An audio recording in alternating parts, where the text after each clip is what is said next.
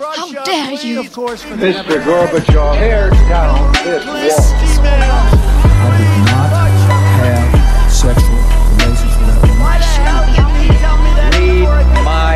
I have a dream. I ukas episode så um, kan vi ønske Jørgen Jenshaugen uh, tilbake til podkasten. Han er seniorforsker ved PRIO uh, og um, forfatter av boka 'En kort introduksjon til Israel-Palestina-konflikten', som uh, dere finner i de fleste bokhandlene. Og um, våre lyttere vil huske at i 2021 i eh, mai 2021 så var Jørgen gjest og snakka om en del myter og ting som man burde vite om Israel-Palestina-konflikten. Og der har det skjedd så fryktelig mye, så da tenkte vi vi må få Jørgen tilbake for å oppklare litt hva som skjer i, i Israel. Så velkommen, Jørgen. Takk, takk. Det, ja, eh, hvor starter vi? Altså, eh, jeg nevnte litt før vi starta podkasten at eh, vi følger hverandre på Twitter, og jeg får veldig mye inn da fra eh, konflikten eh, i ulike kilder, og det er jo veldig interessant. Eh, og jeg er jo ikke noen sånn ekspert på området, men jeg ser fryktelig mye ulike saker, og det har vært så mye som har skjedd, og det ser ut til at kanskje en del av det av konfliktnivået eskalerer i området. Eh, og det vi, er vi nødt til å snakke om det her. Men vi kan jo starte først med den politiske situasjonen, kanskje, i Israel. For den er jo eh, egentlig ganske uoversiktlig, med mindre man er litt inni det, tror jeg. Eh, og dette valget som man eh, hadde vel i var det november 2022, eh, det var vel også noe kaospreget. Kan ikke du ta oss litt gjennom på en måte dette valget, Jørgen, og litt utfallet her?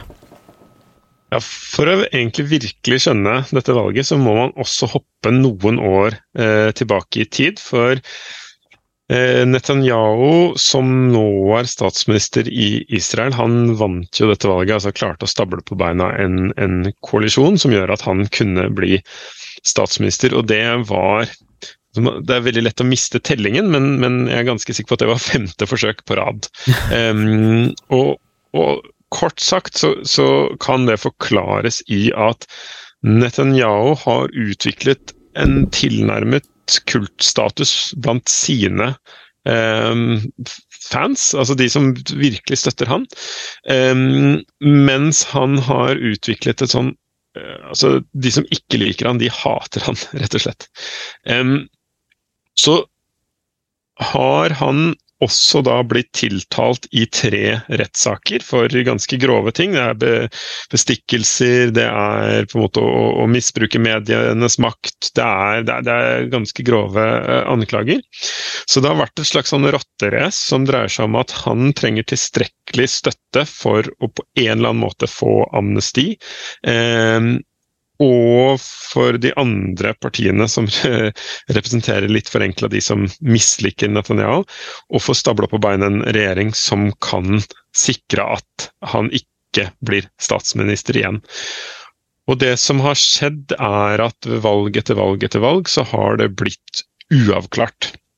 Altså at ingen av blokkene i, i det israelske parlamentet har klart å få tilstrekkelig antall eh, folk bak seg, dvs. Si 61 eh, medlemmer, og det, dermed har det blitt skrevet ut nyvalg eh, igjen og igjen.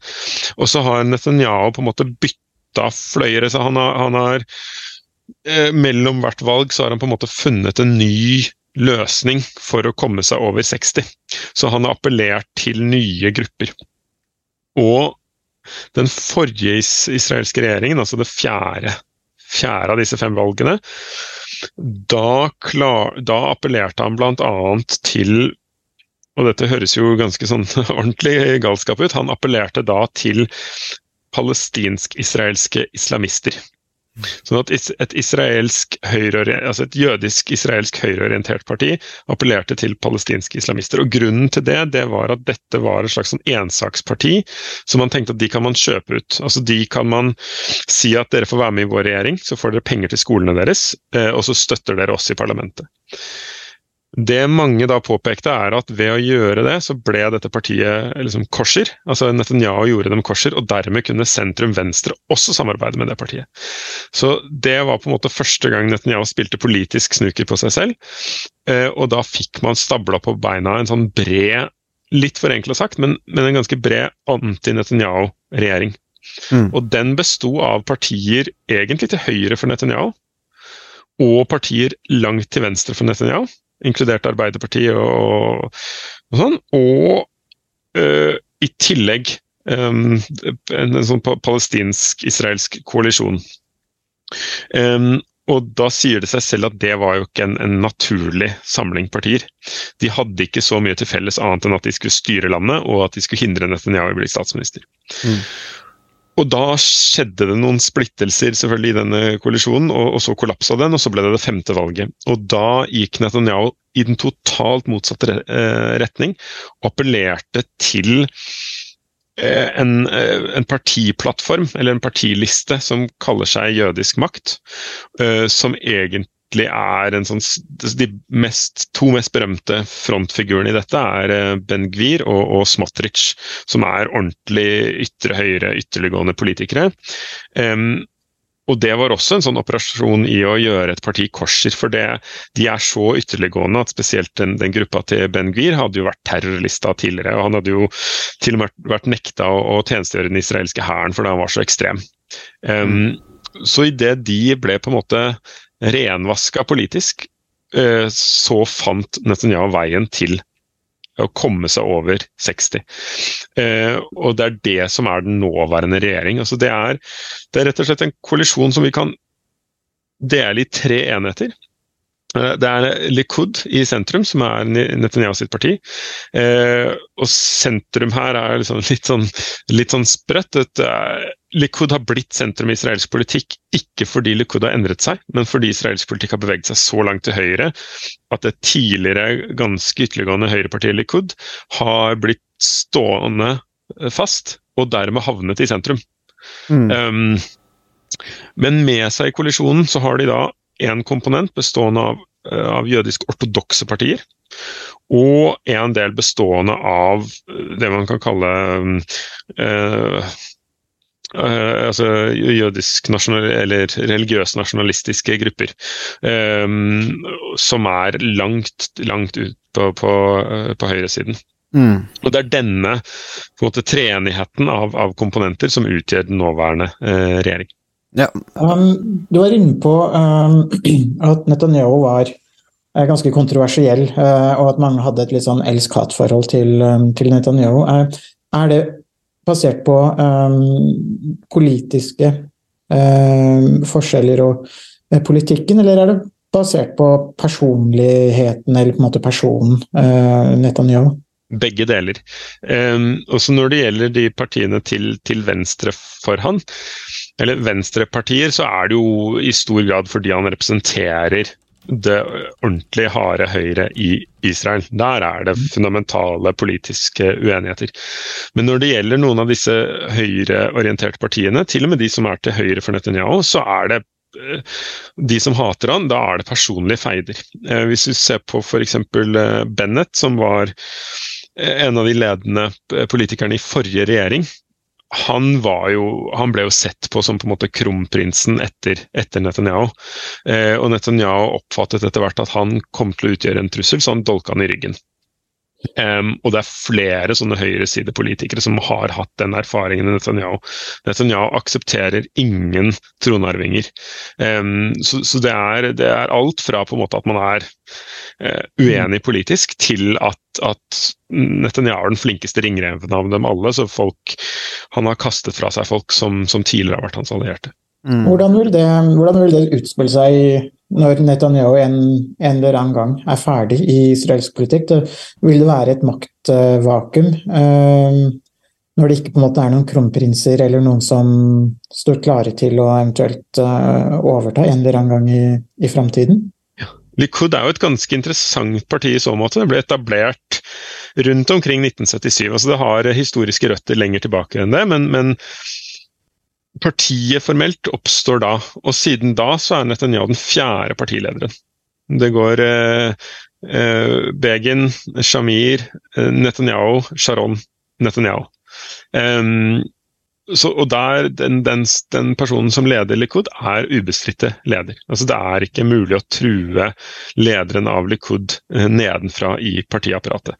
Eh, når han bestemmer seg for å gå av, så, så kan han jo fint utpeke sin etterfølger, men, men, så lenge han sitter på tronen, så finnes det ikke noen etterfølger. Mm. Men hvilke, hvilke, konsekvenser eh, av valget sånn eh, Det er jo ikke så mange måneder eh, etter, etter valget og han har fått stabla den regjeringen, men kan vi, kan vi ane noen konsekvens eller tendens eller måte å si noe om hvilken vei denne regjeringen går? Ja, det, det er fint du spør, og det, da kan jeg på en måte unnskylde hvorfor jeg brukte så lang tid innledningsvis på å gå tilbake disse fire valgene og konteksten her. Og det er nemlig det at fordi Netanyahu er desperat etter å unngå fengsel. For det er ganske mye som tyder på at han er skyldig i hvert fall to eller tre ut av alle de tre rettssakene mot han. Så er det sånn at For han så er det et, et kappløp eh, mot, eh, mot, tiden og mot eh, eh, rettsapparatet. Og erfaringen av å måtte gå fire valg før han til slutt fikk flertall i parlamentet, betyr at han er helt avhengig av at koalisjonen henger sammen. Og på tross av at han da liksom er høyresidens ubestridte leder, og på tross av at han da er den lengstsittende statsministeren i israelsk historie, så er egentlig kortene stablet mot ham i, i, i akkurat denne situasjonen. Hans koalisjonspartnere har veldig sterke kort på hånden, for de vet at hvis denne regjeringen rakner, så kan neste sted for Netanyahu være fengsel. Altså, det, det, er ikke en kort vei dit, men det er faktisk en, en reell mulighet. Hvis, hvis, plutselig det går masse tid, og altså regjeringen kollapser, og så går det masse tid før man får en ny regjering, så plutselig går rettsprosessen sin gang, og så blir han dømt. Mm. Så, så, for å unngå det, så må han passe på at denne regjeringen her vedvarer. Og Det gjør at ytterliggående elementer de kan stille ganske harde krav i regjeringsforhandlingene og få gjennom sin vilje. Og, og bare noen eksempler på det ser vi da eh, nå.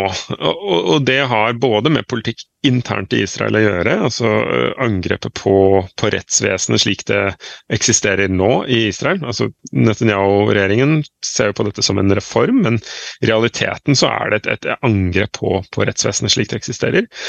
Altså, det er noe som skjer internt i Israel. Men man ser det også i eh, okkupasjonen, eh, ved at det blir en, en, eskalering av støtte til ytterliggående bosettere. Det er økende provokasjoner på eh, tempelhøyden. Eh, det er mer støtte til på en måte de mest ekstreme elementene i, i å dytte for annektering, i, i, i, å hindre at palestinerne skal ha noe mulighet. altså Stoppe pengeoverføringer til palestinske selvstyremyndigheter gjeninnføring av forbud mot det palestinske flagg, en sånn juridisk snikannektering, altså at israelsk sivillov implementeres på Vestbredden, og ikke bare uh, militærlov. Uh, altså at veldig mange av disse elementene som, som undergraver siste rest av en sånn um, skuespill om at dette er to forskjellige systemer, det, det undergraves helt. Altså det, det, er en mye større inkludering av okkupasjonen i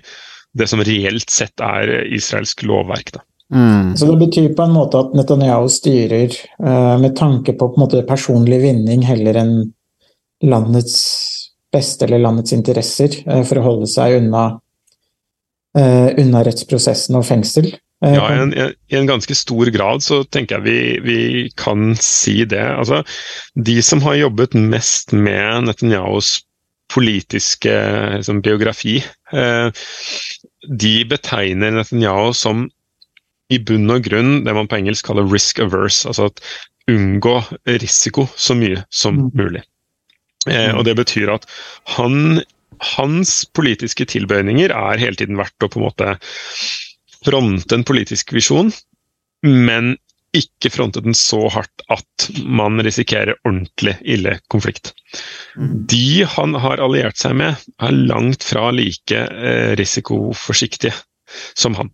Så de som er til høyre for han, altså eh, Ben Gvir og Smotrich, der er ideologien langt viktigere enn risikominimeringen. Og, og det er der jeg tenker at dette med det personlige til Netanyahu kommer inn i spill. Altså at hadde han styrt på både den der, Hadde han hatt kontroll over balansen mellom det han, han selv vil og det han tenker er landets beste, så er det ganske mange grep han ikke ville gjort, som han nå kanskje blir tvunget til å gjøre fordi han må tenke mer på eh, sin egen interesse. Mm. Men du nevnte en, Jeg leste i en, um, i en artikkel i, i, Dagsavisen uh, at at, det ble snakka om at vi, vi, nå ser en mer ærlig israelsk politikk. Uh, hva tenker du om den? Uh, er, det, er, det, reelt? Altså at nå ser vi på en måte hvor, ja, hvor, hvor denne politikken ligger? Ja, altså, jeg kan, kan, kanskje forklare litt hva, hva som ligger i, i, det begrepet. og det, det, er på en måte en, en, refleksjon av det en del palestinere, men også noen israelere har, har uh, sagt til meg, uh, og som jeg har lest. og det, det, dreier seg om at den forrige israelske regjering snakka på en måte i, i, i FN og internasjonale fora om at de støtta en tostatsløsning. Eh, og ønsket en fredsprosess og alt det der. Men i realiteten så var det jo sånn at det ble bygd stadig flere bosettinger, det ble revet stadig flere palestinske hus. det ble drept flere palestinere på Vestbredden i fjor enn eh, siden FN starta å registrere i 2005. så da hadde man en sånn total diskrepanse mellom hva man sa og hva man gjorde. Mm. Den israelske regjeringen nå den, den legger ikke skjul på hva den, hva den driver med. Det er, Vestbredden er vårt, vi skal aldri gi det fra oss.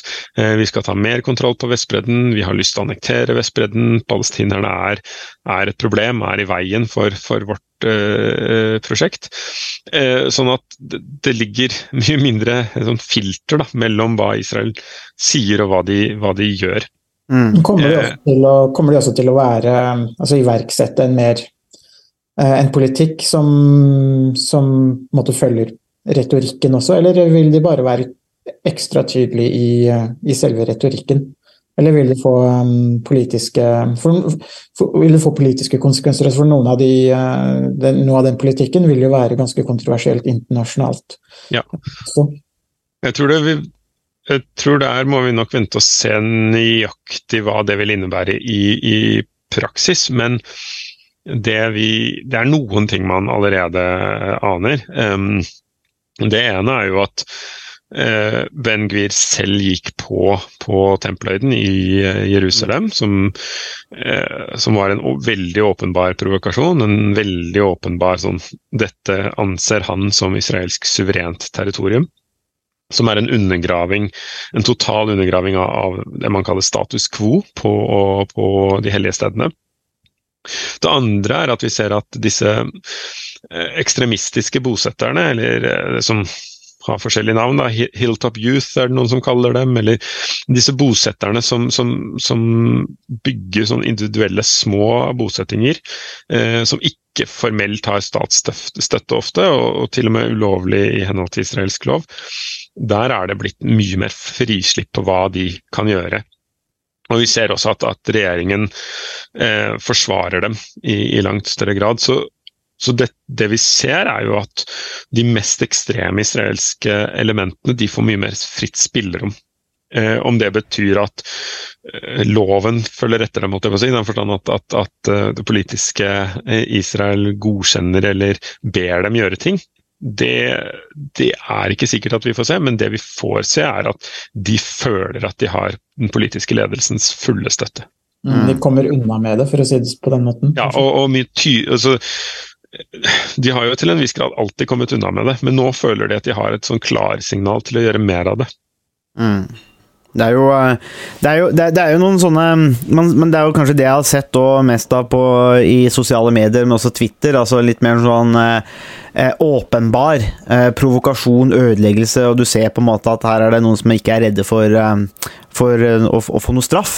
Mm. eller at det skal få noen konsekvenser. Og da er jo, da er jo spørsmålet hva det, hva det, gjør med på en måte totalbildet her, og en eventuell løsning. Men, og det må vi snakke om. men det er jo, altså Israels politikk har jo da konsekvenser, da. Eh, disse valgene har konsekvenser for den andre store gruppa som bor i det samme området, og i den første podkasten vi spilte inn, så var jo du gjennom topp tre sånne ting som folk burde vite om konflikten. og En av tingene var jo at det, dette er en moderne konflikt altså med grupper altså mennesker, eller og Palestina og Israel, som ønsker å ha en stat, men det er i, det er i samme område. Eh, og Dermed så har man også en konflikt. Men hva, hva gjør det, det med, med palestinerne og f.eks. de palestinske selvstyremyndighetene? Altså, hvordan, hvordan er det på en måte den interne situasjonen her for palestinerne? Ja, palestinerne går det skikkelig dårlig med, kort fortalt. Um, det ene elementet er jo at okkupasjonen blir liksom verre og verre. Altså, den blir mer og mer befesta. Det er flere og flere bosettere. Det er færre og færre områder palestinerne har ordentlig tilgang til. Det blir mer husrivinger, mer vold mot palestinere i de okkuperte områdene.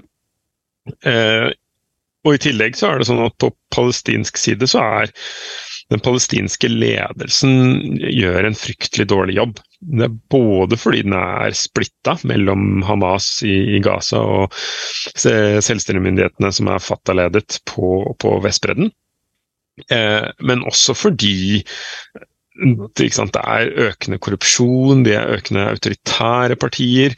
Det er en økende kløft mellom de unge og det eldre lederskapet. Men også fordi de palestinske selvstyremyndighetene er på konkursens rand. Når Israel nå tilbakeholder eh, pengeoverføringer uh, til de palestinske selvstyremyndighetene, altså dette er skatt som i henhold til Oslo-avtalen så betaler da palestinere skatt til Israel. altså Det er Israel som samler inn skatt, og så skal Israel levere det til de palestinske selvstyremyndighetene. Men de eh, bruker jo da dette som et politisk brekkmiddel og holder tilbake disse utbetalingene. Eh, og Det betyr at palestinske selvstyremyndigheter er fullstendig avhengig av eh, bistand. Eh, og så er det jo en internasjonal kontekst nå med galopperende prisvekst globalt eh, givertretthet grunnet ja, både at man ikke ser noen vei ut av akkurat dette prosjektet, men også fordi andre kriser krever mer. Eh, regionalt så er det jo selvfølgelig Syria og, og Jemen, mm. men aller viktigst globalt så er det jo Ukraina.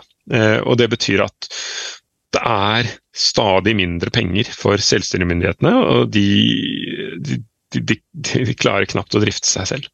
Mm. Finnes, altså, hva slags handlingsrom finnes for um, palestinerne i en sånn situasjon? Er det, uh, er det noe Det høres jo litt, egentlig litt håpløst ut for uh, den palestinske uh, siden, med både korrupsjon og mindre inntekter osv.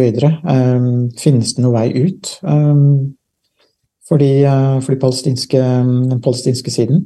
Ja, altså det er, jo, det, er jo, det er jo ikke sånn at de ikke kan gjøre noe som helst. Det, det er klart at de, Handlingsrommet deres er veldig innskrenka. De, de, er den svake parten her, helt, eh, helt åpenbart.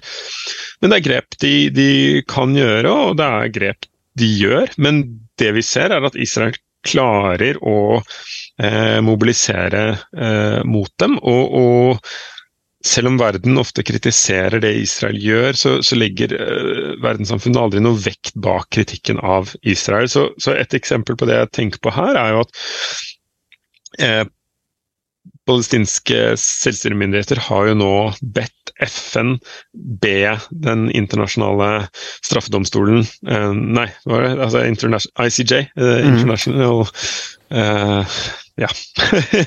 ja, internasjonal domstolen i Haag, ja ja, eh, vurdere lovligheten av eh, den vedvarende okkupasjonen.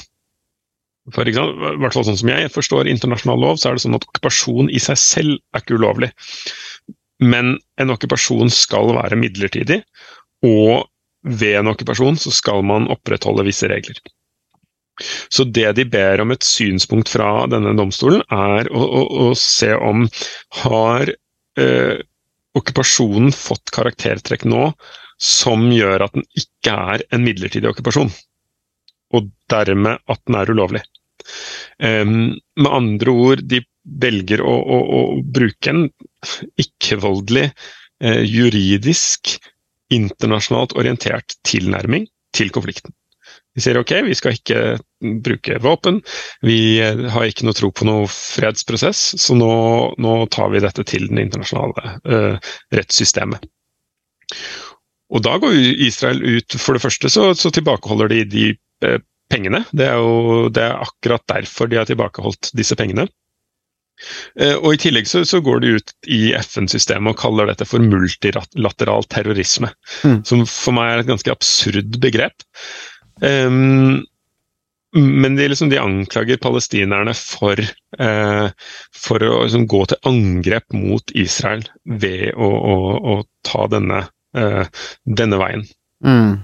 Eh, og altså, litt av problemet til den palestinske ledelsen er at ja, de har ting de kan gjøre, men det er ingen av de tingene de prøver på, eller har tenkt på å prøve, som, som fører noe automatisk vei til suksess. Og, og, det som ofte skjer, er jo at palestinske selvstyremyndigheter prøver én ting, og så funker det ikke, så prøver, skrinlegger de det, og så prøver de noe annet.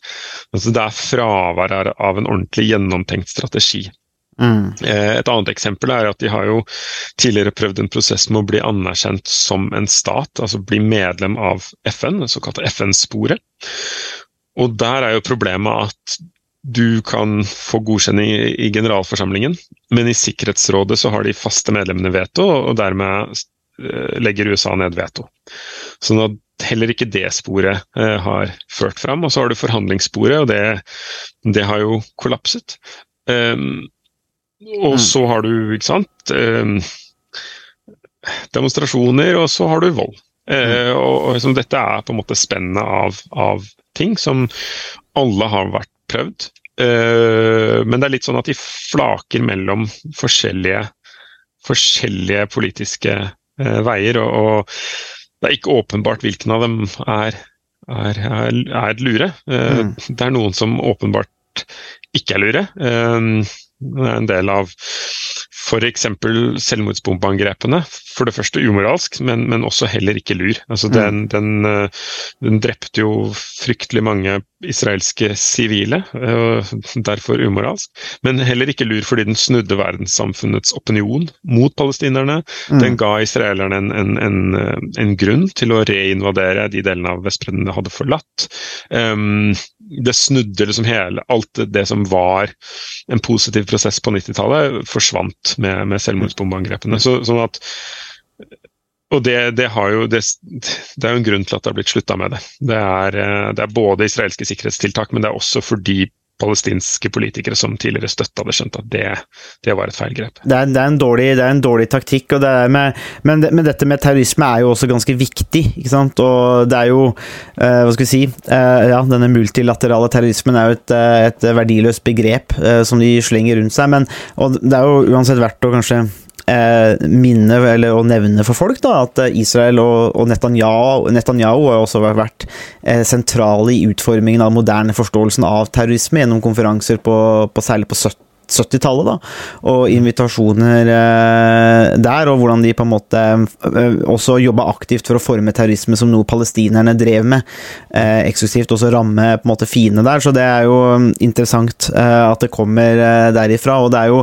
eh, også når det, når det kommer til du, du, nevner dette med selvmordsbomber nå, for det har jo vært, som du sier, korrekt umoralsk, men også ikke effektivt og kontraproduktivt. Og der eh, har man jo også kjente israelske forskere ikke sant, som Boask og Nord og, og Gal og andre, som, som snakka om hvordan eh, Eller brukte det som en forklaring å si at eh, vi er nødt til å ha alle disse repressive tiltakene fordi at vi er nødt til å stoppe fremtidige angrep. og fordi de er på den måten, så da kom den på en måte den der forkjøpslogikken. da tok inn der, og da kunne også åpnet også rommet for å gjøre alle disse tingene. Så det er jo det er en interessant historie der med dette med terrorisme, men som terrorforsker så vet jeg liksom ikke helt hvor mye, hvor, hvor mye av konflikten vi skal legge på terrorisme. Det blir kanskje mer et symptom enn noe annet, eller en sånn konsekvens eller uttrykk for det. Men eh, vi eh, drar oss jo opp her mot, eh, mot, halvtimen, men vi er jo ikke ferdig, Jørgen, så jeg håper ikke du har dårlig tid. nei, men et, du, du, nevnte Nå har vi måttet snakke om Israel og vi har snakka om Palestina og håpløse konflikten. La oss snakke litt om, om Norges rolle i det her òg, fordi du har jo en eh, artikkel i Internasjonal politikk, som altså et norsk tidsskrift som hvem som helst kan gå og lese, for det er vel eh, open access? Åpen, åpen, åpen tilgang, så det er bare å Vi kan legge ved, legge ved linken, men eh, i internasjonal politikk, altså, så har du en artikkel som heter 'Et godt posisjonert vitne til en varslet tragedie'. Ine Eriksen Søreide og konflikten mellom Israel og palestinerne. Så den anbefaler jeg at dere går og leser, dere som hører på. Eh, og så, så leste jeg dette, da. Men så tenkte jeg det var jo, altså, Du nevnte på Twitter at du var gjennom en del harde konklusjoner. Og i et sted så sier du også at sitat da, at i praksis så har dette medført at Norge var et veldig godt posisjonert vitne til at to, tostatsløsningen døde. Gjennom å sikre vedvarende bistand til palestinerne bidro Norge til at denne politik politiske løsningens endelikt var så smertefri som mulig. og det er jo ganske en hard dom her over Norges eh, innsats. Eh, kan du, kan du utdype dette spennende punktet litt mer? Ja. Det er, det er litt sånn at jeg tenker at ja, ok, så, så, for å være ærlig, så, så tenker jeg at, at, Norge gjør en, en, en veldig eh, fin jobb fordi Norge gir eh, er, er, en av de landene som sikrer at det kommer mye penger som kommer sivile palestinere til gode gjennom forskjellige prosjekter. Eh, Norge gjør en veldig viktig rolle i å sikre finansiering av f.eks. FN-organisasjonen som, som, jobber for palestinske flyktninger, eh, UNRWA. Eh, Norge er en stemme som snakker om en en, en rettferdig løsning og, og sånne ting. Så det er egentlig ikke en, en, dom over Norge som sådan, men det er mer en slags refleksjon over at all Norges rolle har vært å bevare en tostatsløsning. Og jobbe for den jevnt og trutt. Og det er, det er vår plan A, vår plan B og vår plan C. Problemet er at mens Norge har jobbet jevnt og trutt og, og liksom fast med, med, den, så har den forvitret. Eh, og det er et ordentlig paradoks, for det betyr at det Norge jobba med i 93, 2000, 2010, 2020 ja, Norges politikk er omtrent det samme gjennom alle de tids, tidssonene, si, tidspunktene i historien. Men situasjonen på bakken har blitt verre og verre og verre. Og verre. Og det betyr at det Norge gjør i dag, er ikke i synk med virkeligheten på bakken. Mm. Så det er mye mer en kritikk, egentlig, av, av Israel og av USA spesielt, som, som ekstern part, som realiteten har dyttet dette i retning av en av at tostatsløsningen ikke lenger er mulig. Og Med det så mener jeg at nå er det for mange bosettere. Den israelske kontrollen over Øst-Jerusalem, den israelske villigheten til å inngå kompromisser, og rett og slett hvor vanskelig den logistikken er for å få til en uttrekning. Alt det, og den amerikanske anerkjennelsen av annekteringen av Jerusalem, den amerikanske insisteringen på at flyktningspørsmålet er tatt av bordet, alt det der gjør at det Norge har jobbet mot, det fins ikke lenger. Det er ikke egentlig et politisk alternativ lenger. Og alt det, det ikke sant, eh, viktige arbeidet Norge har gjort, da, med alle disse pengene og alle disse politiske posisjonene Fordi alt det andre har skjedd rundt, så har på Norge på en måte gjort en veldig stor innsats, men stått på stedet hvil i en situasjon hvor den situasjonen man ønsker å bevare, har kollapset. Mm. Eh, hva Norge skulle gjort annerledes, det er et mye vanskeligere spørsmål å svare på. Skulle Norge stoppet med bistand? Det hadde gått utover palestinerne. Det hadde ikke reddet tostatsløsningen. Eh, noen vil hevde at det hadde vært eh, riktigere, for det hadde vært en sånn ærlig reaksjon på hvordan situasjonen utviklet seg. Så bastant er ikke jeg i det hele tatt, det syns jeg er vanskelig å si. Det er veldig mange mennesker det ville gått utover, som, som jo trenger de eh, pengene. Um, det Norge kunne gjort, hadde, kunne vært å være tydeligere på å sanksjonere bosettinger. Det har vi ikke gjort. For Norge har ikke ønsket å være liksom, en, driv, en drivkraft på å kritisere noe. Norge har ønsket å være en sånn leder blant mange. sånn at Hvis EU hadde gått ut og, og sanksjonert bosettinger, så kunne Norge blitt med. Men Norge hadde ikke lyst til å ta en lederrolle. Mm. Eh, Norge kunne på et mye tidligere tidspunkt anerkjent staten Palestina. Eh, det gjorde Sverige. Sverige ble straffet for det av Israel. Norges konklusjon da det skjedde, det var å si ser du, Sverige tok feil. Det lønte seg ikke. De mistet innflytelse. Jeg vil egentlig snu det på hodet. Jeg, jeg tenker sånn at fordi mm. Sverige ble straffa, så burde Norge også gjort det. Ut av en solidaritet, ikke bare med palestinerne, men solidaritet med Sverige. Mm. Ved å si at vet du hva, dette aksepterer vi ikke. Du kan ikke straffe Sverige for at de anerkjenner Palestina. Hele poenget med tostatsløsningen er at det er to stater. Kan ikke, vi kan ikke liksom straffe noen for å jobbe for tostatsløsningen. Det, det blir for meg eh, mm. absurd. Um, man fikk eh, Sikkerhetsrådsresolusjon 2334, som sier at man skal differensiere mellom okkupasjonen og Israel den kunne Norge tatt ordentlig tak i og, og, og brukt den mye større grad eh, internasjonalt. Og sagt at ok, vi trenger et tydeligere regime som, som gjør at vi ikke eh, handler med selskaper som, som opererer i bosettingene. Så det er mange sånne grep man kunne gjort. Mm. Men, og det her er min, egentlig min tydeligste kritikk mot Norge. Norge har gjennom alle regjeringer vært tydelig på at vi kan ikke gjøre noe som gjør at vi mister vår innflytelse overfor partene. Og For meg så er det dypt problematisk, fordi hva er det man sparer den innflytelsen opp til? Når er det man sier nå har vi masse innflytelse, nå må vi bruke den? Isteden så, så bevarer man en sånn teoretisk innflytelse som man egentlig ikke kan bruke, for hvis man bruker den, så mister man tillit. Mm. Um, når er det man skal cashe inn den? Mm. Hva er the rainy day som man sparer til, mm. for å bruke et, et engelsk uh, uttrykk. Mm. Og Det er jo ikke noe lett diplomatisk eller politisk svar på det, men, men, jeg mener at til en viss grad så ved å nekte å bruke den innflytelsen fordi man trenger den til et senere tidspunkt, og man har spart den innflytelsen så lenge, så har tostatsløsningen dødd mens man har spart på innflytelsen sin. Mm. Men er det litt sånn at uh, Norge på en måte sparer den innflytelsen for å ha en stemme, uh, på en måte sitte rundt bordet, men at man kanskje ikke nødvendigvis har noen pressmidler som, som USA eller andre større land ville hatt til å presse en av partene til å godta ja. en, en, avtale. Så man på en måte bare blir man er til stede i rommet, men uten at man egentlig kan påvirke rommet, eller det som skjer i rommet. Jeg tror jeg du har helt, helt, helt rett i. Helt, helt, riktig oppsummert. Jeg tror liksom det, det, ultimate er jo liksom noen som har begge partenes tillit, har politiske muskler, er villig til å bruke dem, og bruker dem riktig.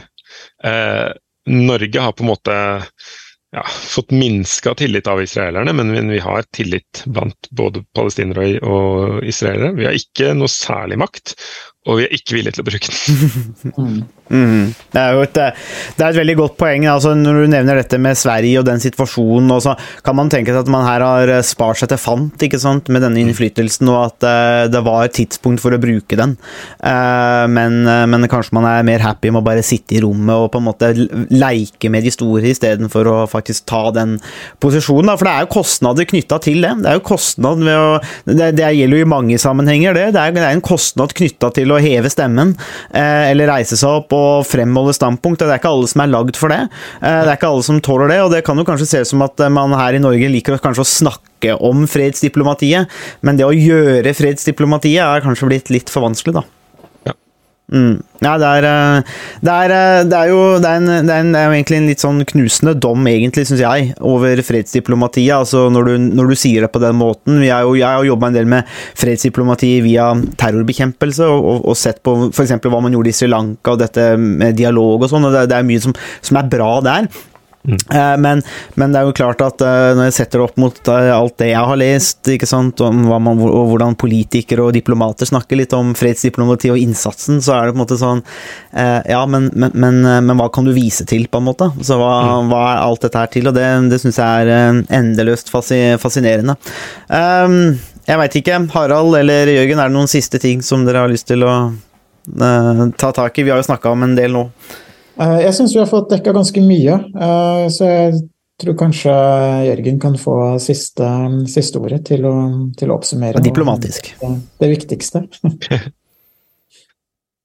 Nei, jeg, jeg, jeg tenker at noe av det som blir eh, Eller jeg tror kanskje det jeg syns er mest interessant med det nåværende øyeblikk i denne konflikten, og som for meg er en kjempegåte, det er nesten alle, altså verdenssamfunnet, palestinerne og en del av det israelske samfunnet er enige om at det er tostatsløsningen man ønsker.